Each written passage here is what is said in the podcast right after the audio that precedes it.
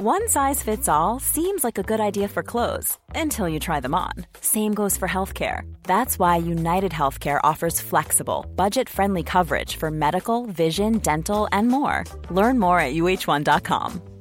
Burrow's furniture is built for the way you live. From ensuring easy assembly and disassembly to honoring highly requested new colors for their award winning seating, they always have their customers in mind. Their modular seating is made out of durable materials to last and grow with you. And with Burrow, you always get fast, free shipping. Get up to 60% off during Burrow's Memorial Day sale at burrow.com slash ACAST. That's burrow.com slash ACAST. burrow.com slash ACAST. There's never been a faster or easier way to start your weight loss journey than with PlushCare. PlushCare accepts most insurance plans and gives you online access to board-certified physicians who can prescribe FDA-approved weight loss medications like Wigovi and Zepbound for those who qualify.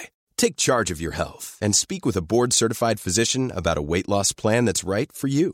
Get started today at plushcare.com slash weight loss. That's plushcare.com slash weight loss. plushcare.com slash weight loss. Helt siden de første menneskene slo seg ned i Trøndelag, har det blitt observert underlige lys over Hessdalen. Fenomenet har blitt forsøkt bortforklart som syner sett av bygdetullinger og deliriske hallusinasjoner forårsaket av den lokale drikkekulturen. Men det skulle vise seg at fenomenet stakk langt dypere, når Hessdalen-fenomenet fikk verdensomspennende oppmerksomhet i ufo-miljøet på 1980-tallet. Fenomenet er fremdeles der, og det er fremdeles like uforklarlig som den gang. I 2024 kommer en podkastserie i seks deler, produsert av Project Hessdalen, som kanskje en gang for alle skal finne svar på hva som rører seg på himmelen i denne bortgjemte dalen i Trøndelag. Serien har som seg hør og bør fått tittelen A Blaze in the Northern Sky, og den kommer til din favorittpodkastavspiller i 2024.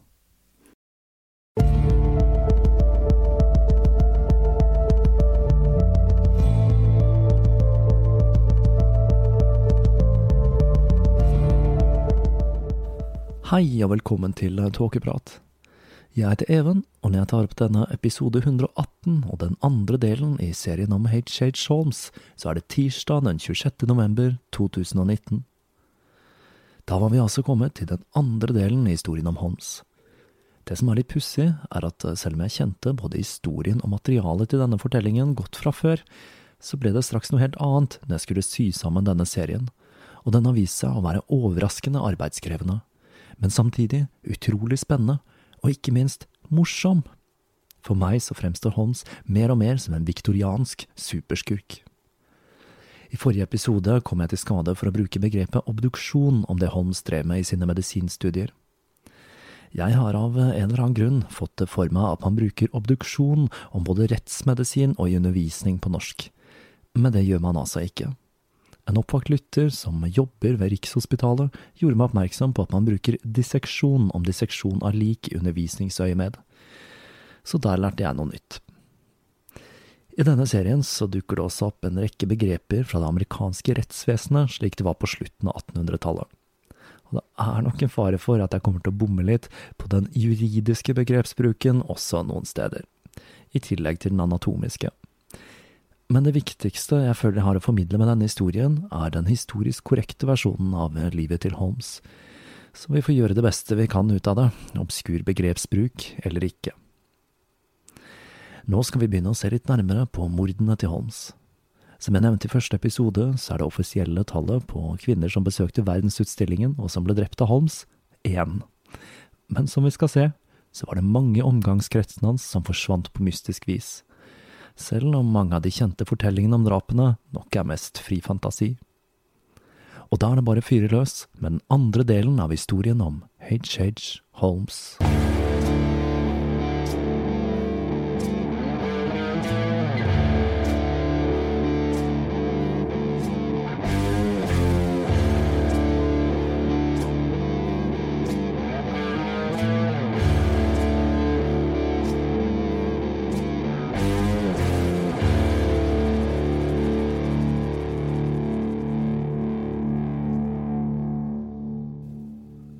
Holmes blir ofte koblet opp mot verdensutstillingen i 1893, og det er ikke uten grunn.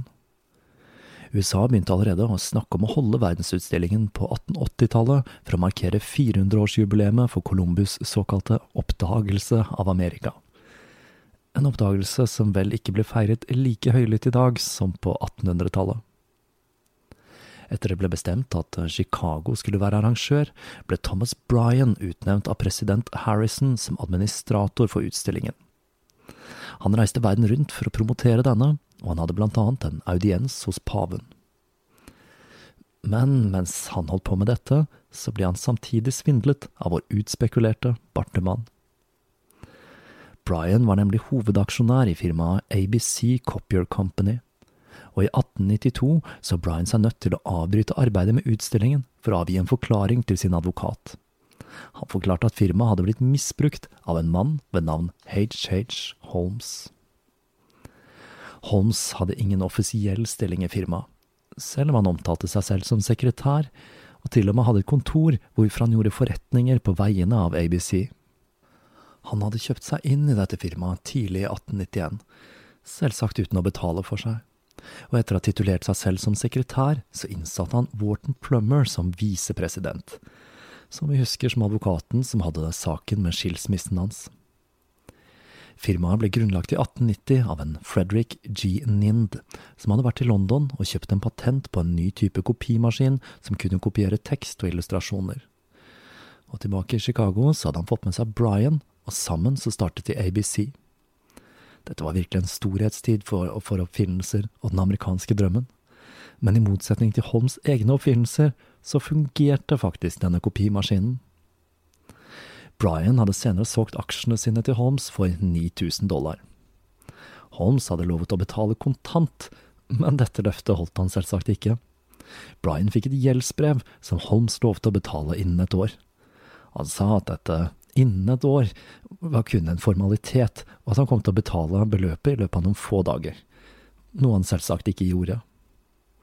Brian sa til Holmes at når han kjøpte aksjene, så var det på den betingelsen av at han ikke lenger sto oppført som leder for selskapet, og at Holmes ikke under noen omstendigheter måtte bruke navnet hans for å skaffe seg kreditt. Brian kunne vel neppe ha funnet en mindre egnet person å selge firmaet til. For Holmes ble ABC et verktøy der han kunne bruke til å løfte svindlingen sin til et nytt nivå. Han startet med å ansette en ung kvinne, Mary Kelly, som sekretær, og hun ante ikke at det var noe muffens med bedriften i det året hun jobbet for ABC. Holmes utnevnte henne til notar for firmaet, og sa at dette var en stor ære.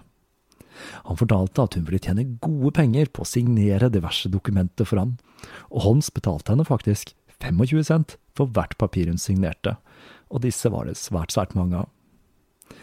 Når det gjaldt selve kopimaskinbusinessen til ABC, så gjorde ikke Holmes noe med denne, til tross for at maskinen faktisk virket. Utover at han solgte salgslisenser til selgere, og så tok han opp lån i Bryans navn. Når man forsøkte å saksøke Holmes, og kreditorene begynte å konfiskere ting fra bygningen hans i Englewood, så ble det bråk. Holmes hadde nemlig overtalt en Kate Durkee til å skrive under på skjøtet, og nå saksøkte hun kreditorene, som blant annet hadde forsynt seg med varmtvannstanken i bygningen. I denne perioden skulle Holmes selv saksøke for manglende betaling på lån. Den han saksøkte, var en Julia Connor, som hadde kjøpt seg inn i apoteket i Englewood. Denne saken er svært mystisk, for Holmes hadde en affære med denne Julia mens saken pågikk, og mot slutten av 1891 så forsvant både Julia og hennes datter Pearl sporløst. Holmes blir som regel klassifisert som en seriemorder, som en person som dreper for å tilfredsstille seksuelle eller psykologiske behov. Men mordene han begikk, ser alle ut til å ha hatt ganske klare motiv, og når vi ser på listen over drap, sannsynlige drap, og ikke ta hensyn til alle historiene som ble spunnet i ettertid, så begikk han sitt første drap rundt juletider i 1891, mens hele ABC-svindelen var i ferd med å falle fra hverandre.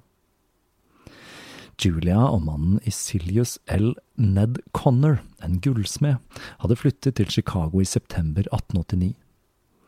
Ned hadde blitt referert til Holmes som en mann man burde snakke med når man var på jakt etter jobb i byen og etter et besøk i bygningen i Englewood ansatte Holmes Ned for to dollar om dagen pluss kost og losji. Han jobbet seg raskt opp, og etter hvert så fikk han ansvaret for gullsmedavdelingen og apoteket. Ned og Julia, som Holmes ansatte som en kassadame, begynte å krangle like etter de flyttet inn. Paret ble separert våren 1890, og Ned fikk seg en ny jobb som urmaker hos en John H. Purdy, en mann Holm skulle låne 300 dollar av like etterpå, igjen uten å betale tilbake, selvsagt. Den 13. september 1890 ga Holmes Julia et gjeldsbrev på 1942 dollar, så hun kunne bli medeier i apoteket. Et beløp hun begynte å tilbakebetale i 1891.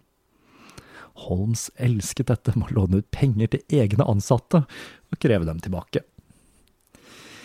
De to hadde altså en affære, Holmes fortalte Julia at dette søksmålet var kun et han hadde igangsatt for å trenere et annet søksmål mot han selv. Men Julia var ikke superbegeistret for dette, og hun og Holmes ble observert kranglende jevnlig i Englewood. For å gjøre alt ekstra ille, så støtte Holmes jevnlig på Ned, som han gladelig fortalte at han lå med ekskona hans til.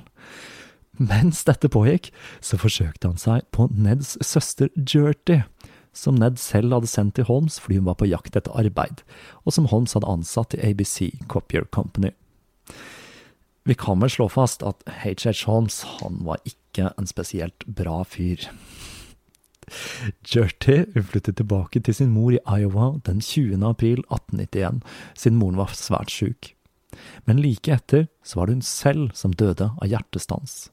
Dette er også et mord som har blitt tilskrevet H.H. Holmes, men som det ikke finnes noen klare bevis for. Holmes skyldte Ned penger, men disse betalte han selvsagt aldri. Men Ned var heldig sammenlignet med sin ekskone. Hun hadde nemlig blitt dratt inn i svindelkaoset til Holmes, og navnet hennes dukker opp i en rekke søksmål sammen med Lucy Belknaps, altså Holmes' svigermor, og Mirtha, hans kone. Julia og datteren var venner med vaktmesteren i bygget i Englewood, Patrick Quinlan, som eide en gård i Lakota, Michigan. Julia, datteren og Holmes reiste dit på ferie den 4. juli 1891, og Pearl, datteren, ble der et par uker ekstra. Når Patrick dro hjem til gården julen 1891 og spurte etter Julia, datteren, så fortalte hans datter Cora at Julia hadde giftet seg med en mann og flyttet til California, og med det var de to forsvunnet sporløst. Vitnet forteller at de hadde sett Julia pakke med seg de mest nødvendige tingene sine i hui og hast like før jul, og at leiligheten i Englewood sto urørt i lang tid etter hun var dratt. Når den nye familien som skulle flytte inn i leiligheten, familien Doyle, ble vist rundt av Holmes, så reagerte de på at spisebordet ikke var ryddet av etter det siste måltidet som ble inntatt der, at det var toalettsaker på badet, og at dukken til Pearl lå slengt på bordet. Holmes fortalte paret at Julie hadde hatt så dårlig tid fordi søsteren lå for døden i Davenport. Dette kan ha vært en spøk fra Holmes, for søsteren skulle gifte seg, og Julia var ventet til bryllupet, men hun møtte aldri opp. Holmes sammenlignet altså ekteskap med døden. Litt rart for en mann som ble gift så mange ganger som han ble, kan man jo si. I perioden etter så lot Holmes som om han gjorde alt det han kunne for å lokalisere Julia og Pearl. Han forsøkte til og med å bruke dette for å svindle til seg penger fra Ned. Historiene om hva som skjedde med Julia Pearl varierer, for Holmes tilsto blant annet til sin advokat senere at det var han som hadde drept henne. Den mest plausible versjonen av historien er at eh, Julia ble gravid, og at Holmes hadde forsøkt å utføre en abort på henne, og at hun døde som en følge av dette. Så dette første drapet kan rett og slett ha vært et uhell, og han ser ut til å ha valgt å drepe Pearl bare for enkelhets skyld. Når man undersøkte beinrestene som ble funnet i kjelleren i Englewood, så var et av de mest fellende bevisene at man fant bein som så ut til å tilhøre et seks til syv år gammelt barn, og Pearl var seks når dette skjedde. Men beinene var så skadet at det var umulig å si helt sikkert, og etterforskerne mistenkte at han hadde partert og brent liket før det ble gravlagt i kjelleren. Ned, som trodde ekskona hadde funnet seg en ny mann og flyttet til California, flyttet selv til Gibson, Illinois og senere til Assumption. Han fortalte ikke sin nye svigerfamilie om fortiden sin, og de fikk seg et lite sjokk når de i 1895 kunne lese i avisene at hans ekskone var antatt å ha blitt myrdet.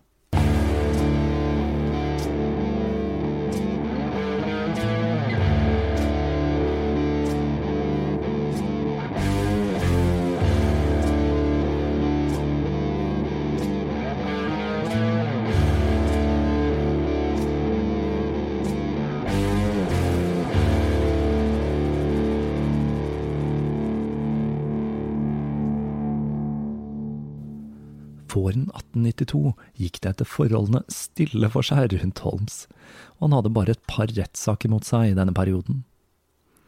En ung kvinne ved navn Emmeline Sigran begynte å jobbe i bygningen hans den våren. I motsetning til Julia så dukker ikke navnet hennes opp i noen av de mange sakene som omga Holmes. Emmeline hadde flyttet til Chicago på jakt etter arbeid i mai 1892. Hun hadde tidligere jobbet ved Keeley-instituttet i Illinois, hvor man lovet å kunne kurere alkoholisme ved hjelp av en injeksjon med flytende gull over en periode på fire uker. Hurra for viktoriansk medisin. Holmes hadde lagt merke til denne nye kuren som var så rasende populær, så han forsøkte å kopiere hele greia med Sølvaskeinstituttet, som gjorde akkurat det samme, bare med sølv. Og det kan hende at det er nettopp det som gjorde at han ansatte henne gjennom et rekrutteringsbyrå. Holmes ser ut til å ha hatt en slags makt over Emily, som ble omtalt som en av de vakreste kvinnene ansatt av Holmes.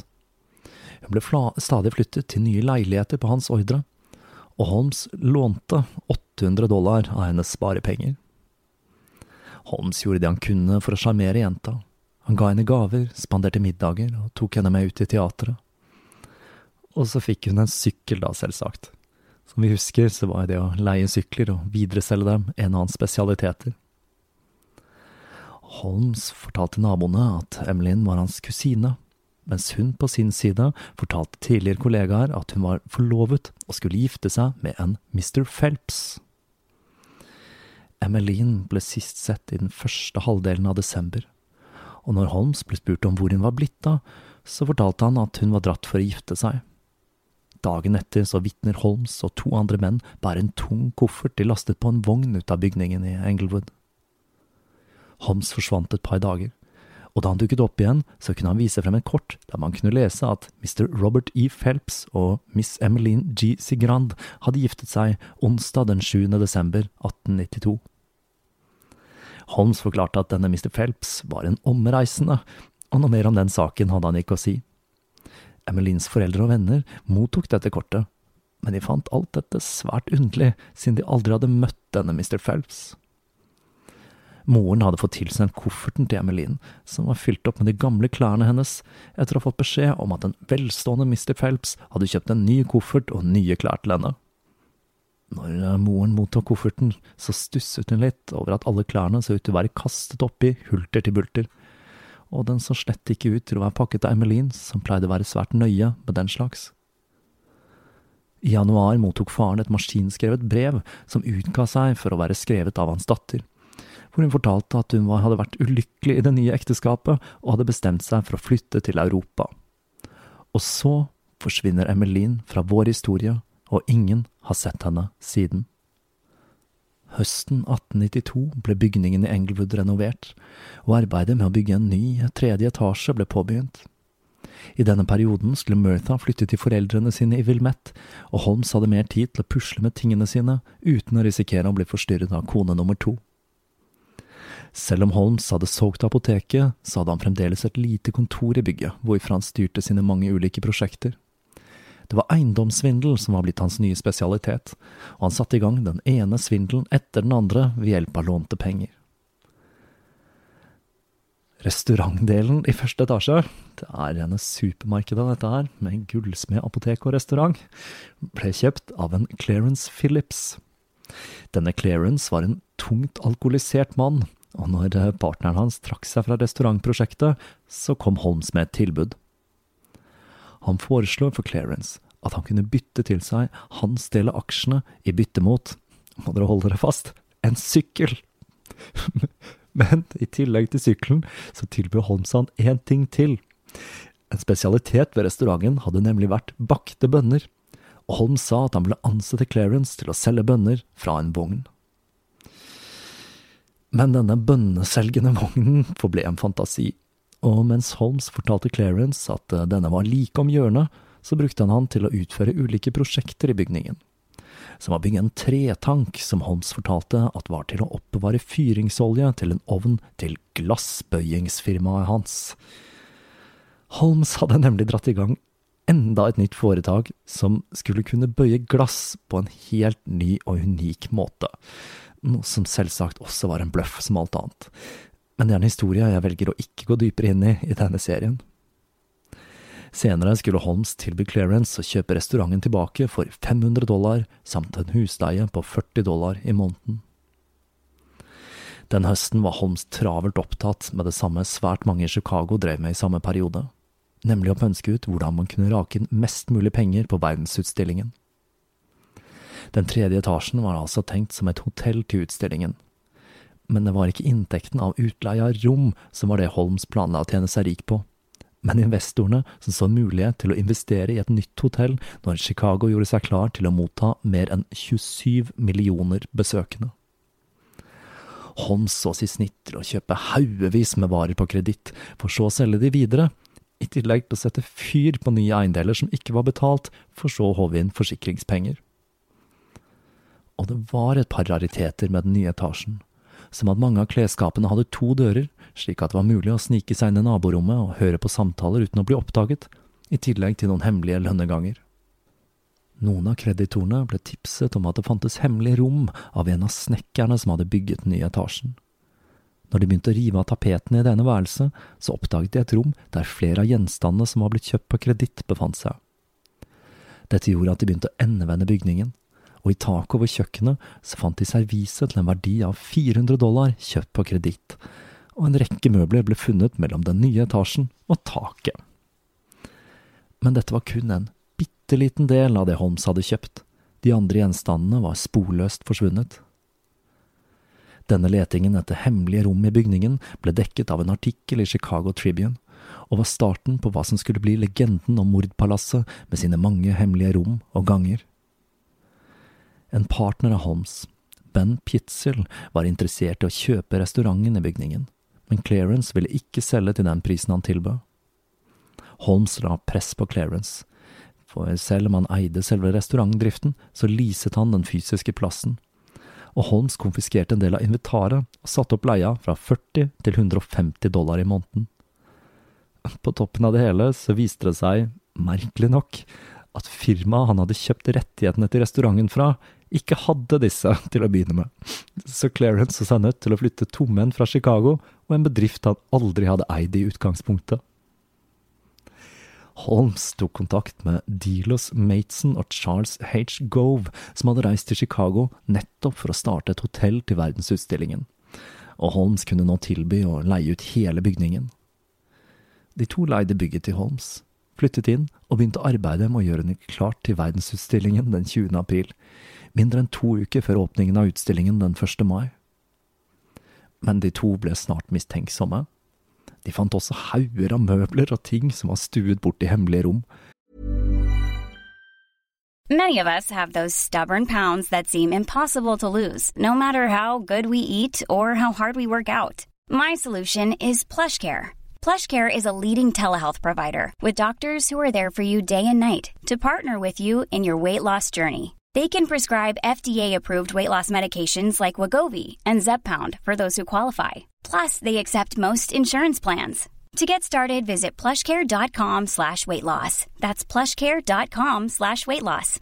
How would you like to look five years younger? In a clinical study, people that had volume added with Juvederm Voluma XC in the cheeks perceived themselves as looking five years younger at six months after treatment. Look younger, feel like you. Add volume for lift and contour in the cheeks with Juvederm Voluma XC. Reverse signs of aging by adding volume to smooth laugh lines with Juvederm Volure XC. For important safety information and to find a licensed specialist, visit juvederm.com. That's J U V E D E R M.com. Not for people with severe allergic reactions, allergies to lidocaine, or the proteins used in Juvederm. Common side effects include injection site redness, swelling, pain, tenderness, firmness, lumps, bumps, bruising, discoloration, or itching. There's a risk of unintentional injection into a blood vessel, which can cause vision abnormalities, blindness, stroke, temporary scabs, or scarring. Talk to a licensed specialist to find out if it's right for you. Og Clarence, som enda ikke var ferdig med å flytte ut av restauranten, viste dem artikkelen fra Chicago Tribune. De forsøkte å få til et møte med Holmes. Holmes møtte opp og ba dem vente i et rom i andre etasje, mens sekretæren hans, Minnie Williams, gjorde seg klar til møtet. Men de ventet, og de ventet, og måtte til slutt gi opp. Den 15. mai bestemte de seg for at dette var noe de ikke ville være en del av, og de tok med seg møblene de hadde kjøpt, og flyttet ut. De skulle aldri betale beløpet de skyldte Holmes i leie. Men det betød ikke at Holmes ikke brukte gjeldsbrevet han hadde fått fra dem, til å låne seg enda mer penger han aldri skulle betale tilbake. Navnet han oppga på sin sekretær, Minnie Williams, var navnet på hans elskerinne, og muligens neste offer. Holmes hadde mindre og mindre med bygningen i Englewood å gjøre. Nå brukte han ressursene sine på å bygge et hus til Mertha og Lucy i Wilmette og den offisielle eieren av dette huset var nettopp Minnie Williams.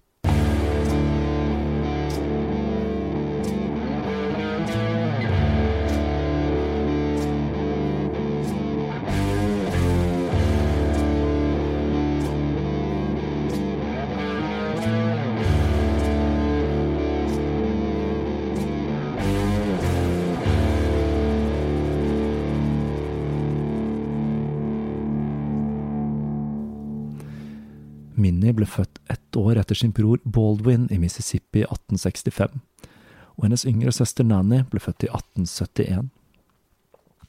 Faren ble drept i en jernbaneulykke i 1872, og moren døde like etter.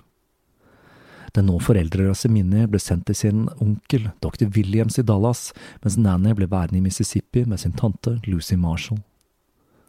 Når onkelen døde på slutten av 1870-tallet, så arvet Minnie, da kun elleve år gammel, litt eiendom fra onkelen, og hun begynte å studere retorikk ved Mansfield Female College. Etter hun var ferdig ved Mansfield, så fortsatte hun studiene ved Boston Conservatory i 1886, samtidig som hun begynte på de første stegene i sin skuespillerkarriere. I 1889 flyttet hun tilbake til sørstatene, hvor hun ble gjenforent med sin søster, og Minnie betalte for skolegangen til Nanny i Oak Cliff, Texas. Mens hun var i Texas, så viste hun et bilde til en pastor, doktor Black. Dette var et bilde av en mann hun hadde møtt i Boston, som kalte seg Harry Gordon. Og selv om det ikke er helt sikkert at det var han som var på fotografiet, så var Harry Gordon et av de mange aliasene H.H. Holmes brukte, og et han skulle bruke i forbindelse med Minnie i 1893. Minnie pantsatte eiendommen sin og startet sin egen teatervirksomhet i 1891 men den gikk raskt konkurs.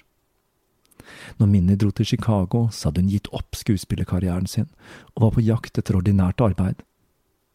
Holmes forklarte at han først møtte Minnie gjennom et bemanningsbyrå, og at han ansatte, ansatte henne som sekretær den 1. januar 1893.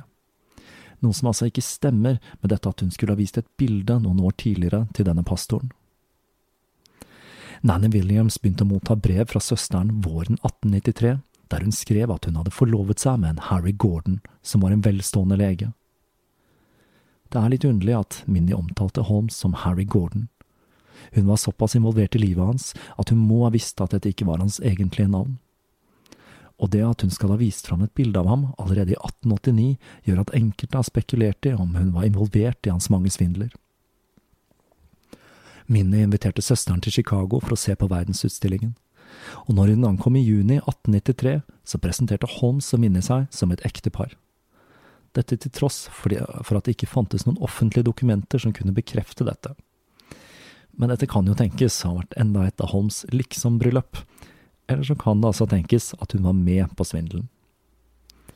I tillegg til å stå oppført som eier av, Holms, eier av huset Holmes bygde til sin kone og datter, så ble Minnie involvert i flere av hans lyssky prosjekter, og hun tok opp flere store lån. Det er nok mye sannsynlig at Minnie regnet med at hun kom til å tjene store penger på samarbeidet med Holmes, og det er meget mulig at hun var klar over at det de drev med ikke var helt stuereint. Kanskje kan det tenkes at hun så en mulighet til å igjen kunne sprøyte litt penger inn i skuespillerkarrieren sin. Søksmålene har begynt å renne inn til Minnie også, men hun var ingen plass å finne. For Holmes og Minnie hadde flyttet sammen i en leilighet og begynte å introdusere seg som Mr. og Mrs. Gordon. Mens Minnie var på en tur til Milwaukee den 4. juli, tok Holmes med seg Nanny til utstillingen. Og de to tok en tur med verdens første pariserhjul. Og dagen etter så observerte vitner Minnie og Nanny spaserende, og dette var siste gangen Nanny skulle bli sett i live. Enkelte vitner hevder å ha sett Minnie etter denne datoen, men den 5. juli er den siste gangen hun ble bekreftet å ha blitt sett levende. Den neste dagen ble en rekke dokumenter tilknyttet Wilmette-eiendommen signert i Minnies navn.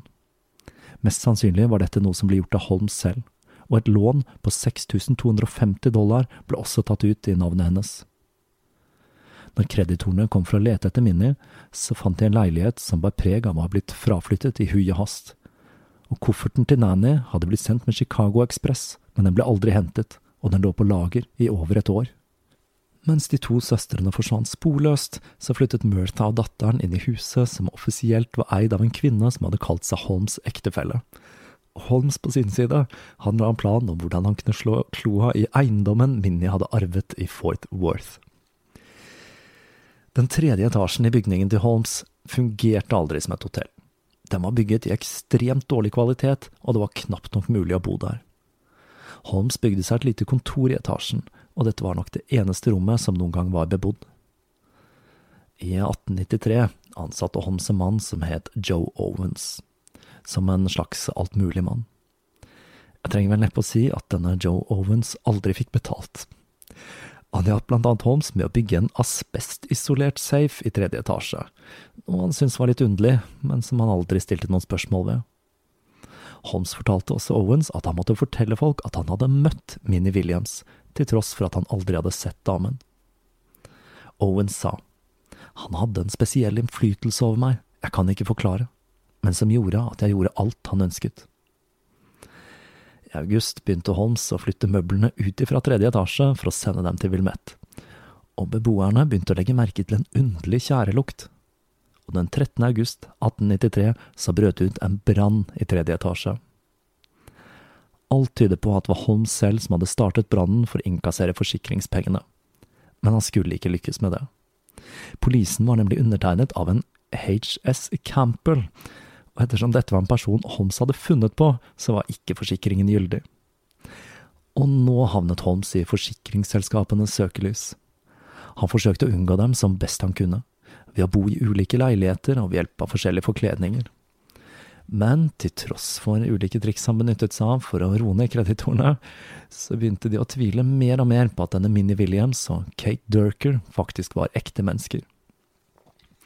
Forsikringsselskapene ansatte en etterforsker, FG Cowie, som begynte å grave i livet til Holmes, og forsøkte å finne de mange personene som hadde underskrevet dokumenter i forbindelse med Holmes' forretningsvirksomhet. Han fant Owens, som fremdeles jobbet i bygningen i Englewood, og merkelig nok så fant han også Minnie Williams. Cowie skulle møte Minnie, eller en person han trodde var Minnie, flere ganger i løpet av den høsten. Cowie la en felle for Holmes. Han skrev til denne HS Campbell at forsikringspremien kunne utbetales fra selskapets lokaler på en bestemt dato. Og det var ingen HS Campbell som dukket opp for å hente pengene, men Holmes selv. Holmes tilsto at han var denne Campbell, og Cowie bestemte seg for å dokumentere at brannen hadde blitt påsatt av Holmes selv. Men Holmes hadde funnet ut at dersom det ikke ble reist en sak mot han som brannstifter innen ett år, så ville saken bli foreldet, så han bestemte seg for å forlate Chicago til ting hadde roet seg litt ned. Denne mystiske kvinnen Cowie trodde var Minnie, kan ha vært en av Holmes mange kvinnelige bekjentskaper, som han da hadde utstyrt med Minnies gamle klær. Eller det kan faktisk ha vært Minnie. I årene som fulgte, var det nemlig flere øyevitner som hevdet å ha sett henne i live. Kanskje Minnie er den egentlige superskurken her. Det er jo en litt artig tanke. Siden Holmes nå var under etterforskning, så er livet hans fra 1894 og fremover langt enklere å dokumentere.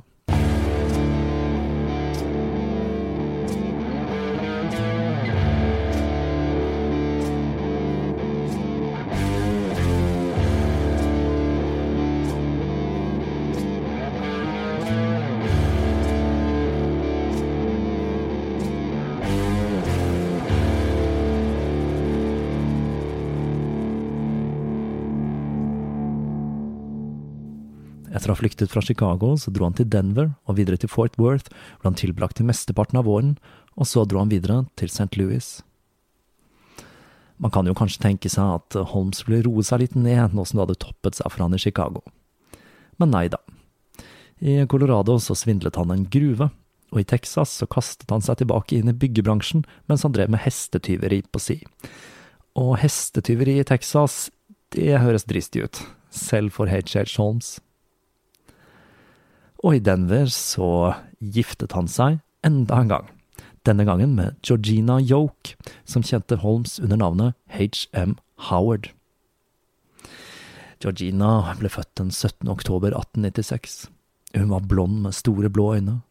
Så store at man faktisk mange betraktet øynene hennes som deformerte. Hun hadde vært lærerinne i Indiana før hun flyttet til Chicago i 1893 og der møtte hun Holmes, antageligvis i forbindelse med verdensutstillingen. Når hennes bestemor døde mot slutten av 1893, så arvet Georgina et stykke land i Indiana, noe som selvsagt gjorde henne enda mer attraktiv for Holmes. Holmes' nye svigermor, Mary Yoke, ble betatt av datterens nye beiler. Hun hadde sendt et brev til advokaten hans, Worthen Plummer, som vi jo husker var en luring, for å spørre om karakteren til Holmes, og Plummer skrøt selvsagt Holmes opp i skyene. Samtidig så presenterte Holmes seg som en svært holden mann, og han fortalte at han eide en lukrativ forretning i Chicago. Holmes og Georgina giftet seg i Denver den 17. januar 1894, og dette bryllupet var faktisk offisielt. Det som er merkelig med det hele, er at Holmes sa at han hadde med seg hva som var sin kusine som et vitne i bryllupet, og denne kusinen fortalte han het Minnie Williams. Men dette var bare enda en løgn fra Holmes. Vitnene i kirken var CM Osenberg og Bessie Anderson. Historien Holmes fortalte om Minnie, var nok tenkt å skape enda mer forvirring rundt hva som var skjedd med Minnie, som mest sannsynlig hadde vært død i seks måneder på dette tidspunktet. De nygifte dro til Fort Worth, hvor Holmes hadde sendt sin makker Benjamin Pitzel i forveien for å forsøke å slå kloa i Minnies eiendom der. Denne Benjamin hadde tatt ut en livsforsikring på 10 000 dollar, som Holmes betalte premien for. Planen var som tidligere å late som om han var blitt drept for å håve inn forsikringspengene. Benjamin var en av Holmes virkelig sammensvorne. Han hadde en lite flatterende fortid, som en tungt alkoholisert svindler. Like etter brannen i Englewoods ble han fengslet fordi han hadde dratt et skikkelig Holmes-aktig trekk, der han hadde kjøpt dresser med falske sjekker. Når han ble arrestert, så ble han tatt med falske sjekker til en verdi av 67 000 dollar. Han fortalte at han hadde fått disse sjekkene på lovlig vis, og det kan jo tenkes at han kanskje trodde det, ettersom han var assosiert med Holmes. Men måten han brukte dem på, tyder jo på at han visste veldig godt at disse var falske.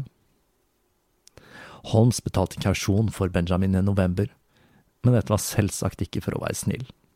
Like etterpå så skrev han til Benjamins advokat og forklarte at han hadde betalt regningene hans mens han var i fengsel, og at de to hadde avtalt at Holmes skulle få huset og innboet hans som betaling. Men advokaten gjennomskuet Holmes, og han lyktes ikke med dette. Men så, så begynte altså Holmes å betale livsforsikringen til Benjamin. Og er det én person du ikke vil skal betale livsforsikringen din, så er det nettopp H.H. Holmes. Dette kan jo bare ikke gå bra. Benjamin hadde bosatt seg i Texas med sin unge sønn Howard. Han brukte pseudonymet Benton F. Lyman, og hadde overført eiendom fra Minnie Williams til en Alexander E. Bond, og det var selvfølgelig enda et av Holms mange pseudonymer. Han satte umiddelbart i gang arbeidet med å bygge en ny bygning på eiendommen, som lå på hjørnet mellom Second og Rusk Street og en HM Pratt ble utnevnt som ansvarlig for byggeprosjektet. og Pratt var da enda et av pseudonymene til H.H. Holmes. På papiret så var det Benjamin som eide det nye bygget, men det var Holmes som tok seg av alt det administrative og det logistiske. I kjent stil så kjøpte han alt han trengte på kreditt. Det var mye hemmelighetskremmeri rundt konstruksjonen av bygningen, og området ble sperret av med adgang forbudt skilt. Bygningen ble en slags kopi av bygget i Chicago, men nesten dobbelt så stor. Og på samme måte som det i Chicago, så var det fullt av merkelige passasjer og lønneganger.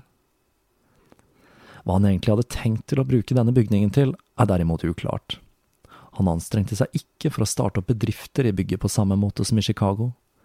Det han derimot gjorde, var å bruke byggeprosjektet til å ta opp enorme lån med sikkerhet i eiendommen, og som før så kjøpte han inventar på kreditt og han begynte til og med å låne og videreselge sykler på samme måte som tidligere, i tillegg til å svindle hestehandlere, noe han og Benjamin hadde startet med allerede når de kom til Texas, i god gammel westernstil. Og det var nettopp denne hestehandelen som fikk lovens lange arm til å bli oppmerksomme på at ikke alt var som det skulle med dette radarparet. Attpåtil så begynte vennene til Minnie å snakke med etterforskerne, siden de visste at eiendommen hadde vært hennes, og ikke minst siden de ikke hadde hørt fra henne på lang tid. Men innen de fikk snudd seg rundt og fikk begynt å avhøre Holmes, så var det for sent. Han stakk av med alle penga i mai og flyttet til St. Louis sammen med Georgiana, og den nye bygningen ble stående forlatt i Fort Worth som et landemerke og et minne om de to kjeltringene med sitt byggeprosjekt og sine hestetyveri. I juni dukket en mystisk Mr. H.M. Howard opp i St. Louis, hvor han kjøpte et apotek av en Mr. A.P. Guest. Han fortalte Guest at han akkurat hadde flyttet til byen med sin nye kone, og han sa det at uh, omsetningen til apoteket ikke var så høy, var ikke så viktig for han. Alt han var på jakt etter, var arbeid som kunne sørge for en stabil inntekt til han og hans kone. Guest ville ha 1000 dollar for bedriften, men Howard fikk prutet dette ned til 50 dollar kontant, og restbeløpet skulle betales i gjeldsbrev og aksjer. Howard var selvsagt Holmes, som umiddelbart satte i gang med å kjøpe ting på kreditt, blant annet whisky og sigarer. Benjamin flyttet også til St. Louis, og de to begynte å planlegge hvordan de skulle iscenesette Benjamins død for å håve inn forsikringspengene. Når han kjøpte apoteket, hadde Holmes bedt om at lånet hans ikke skulle registreres med en gang, slik at han fortsatt hadde god kreditt og kunne kjøpe alt interiøret han trengte for å utstyre butikken. Holmes overbeviste Benjamin om at dette kunne brukes, slik at han kunne ta opp et lån for så å kjøpe butikken tilbake fra Holmes, siden han ikke var oppført med gjeld ennå.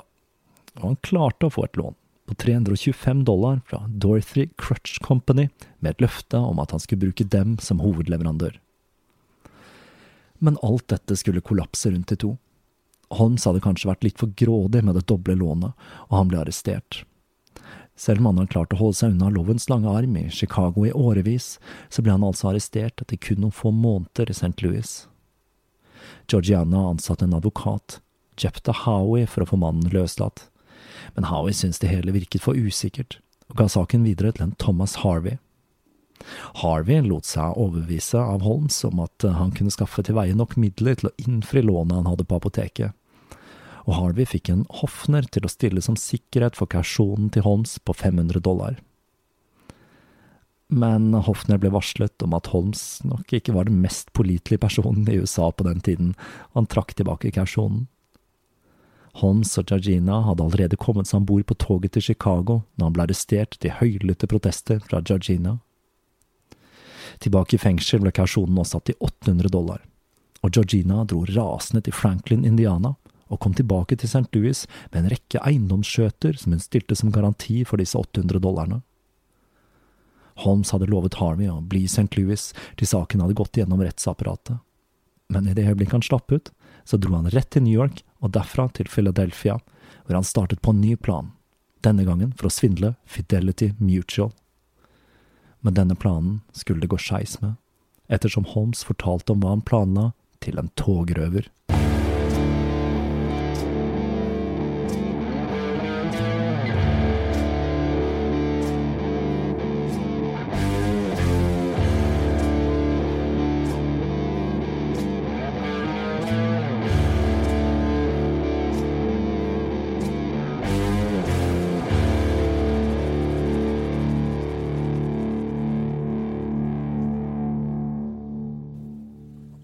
Noe så westernskurkaktig som en togrøver, så forlater vi storsvindleren H.H. Holmes for denne gang. Som dere ser, så sto nok Holmes bak flere drap. Men det som kjennetegner disse drapene, ser ut til å være at han ryddet folk av banen som på en eller annen måte kom i veien for svindlingen hans. For det var svindlingen som var selve livsnerven til denne mannen. Og jeg tenker at dette er noe som gjør at han neppe passer inn i seriemorderkategorien, da seriemordere blir drevet av psykologisk eller seksuell trang til å drepe. Holmes var bare praktisk, på sin egen måte selv om denne praktiske sansen fikk han til å gjøre ting som å drepe datteren til sin elskerinne etter hun hadde dødd av hans forsøk på å utføre en abort. I denne episoden har vi sett hvordan nettet begynner å snøre seg sammen rundt Holmes, og hvordan myndighetene til slutt ble oppmerksomme på at det denne mannen drev med, langt fra var stuereint. Det er jo ganske fascinerende at han fikk holde på såpass fritt i Chicago, og akkurat der så stemmer nok myten om H.H. Holmes. Han brukte de enorme mengdene med besøkende til utstillingen som støy for å skjule sin lyssky virksomhet fra myndighetene, selv om dette i all hovedsak dreide seg om ting som eiendomssvindel og videresalg av lånte sykler, og ikke drap. Når det gjelder lengden på denne serien, så sikter jeg meg inn på fire episoder. Det er utrolig mye å nøste opp i her men til tross for at vi er halvveis, så føler jeg at vi allerede har fått sett litt nærmere på noen av de mest kjente sakene fra Holms liv, de som er tilknyttet verdensutstillingen. Som jeg sa innledningsvis, så ble det litt mer armer og bein med denne serien enn jeg først hadde forestilt meg, så neste episode kommer neppe før om et par uker. Men jeg satser på å få tråklet meg gjennom livet til Holmes før jul. For tradisjonen tro så må jeg vel få ut en julepratepisode, ellers så blir det ikke skikkelig jul, føler nå jeg.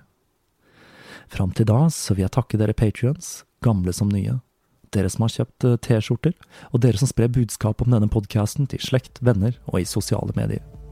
Vi høres igjen om noen uker.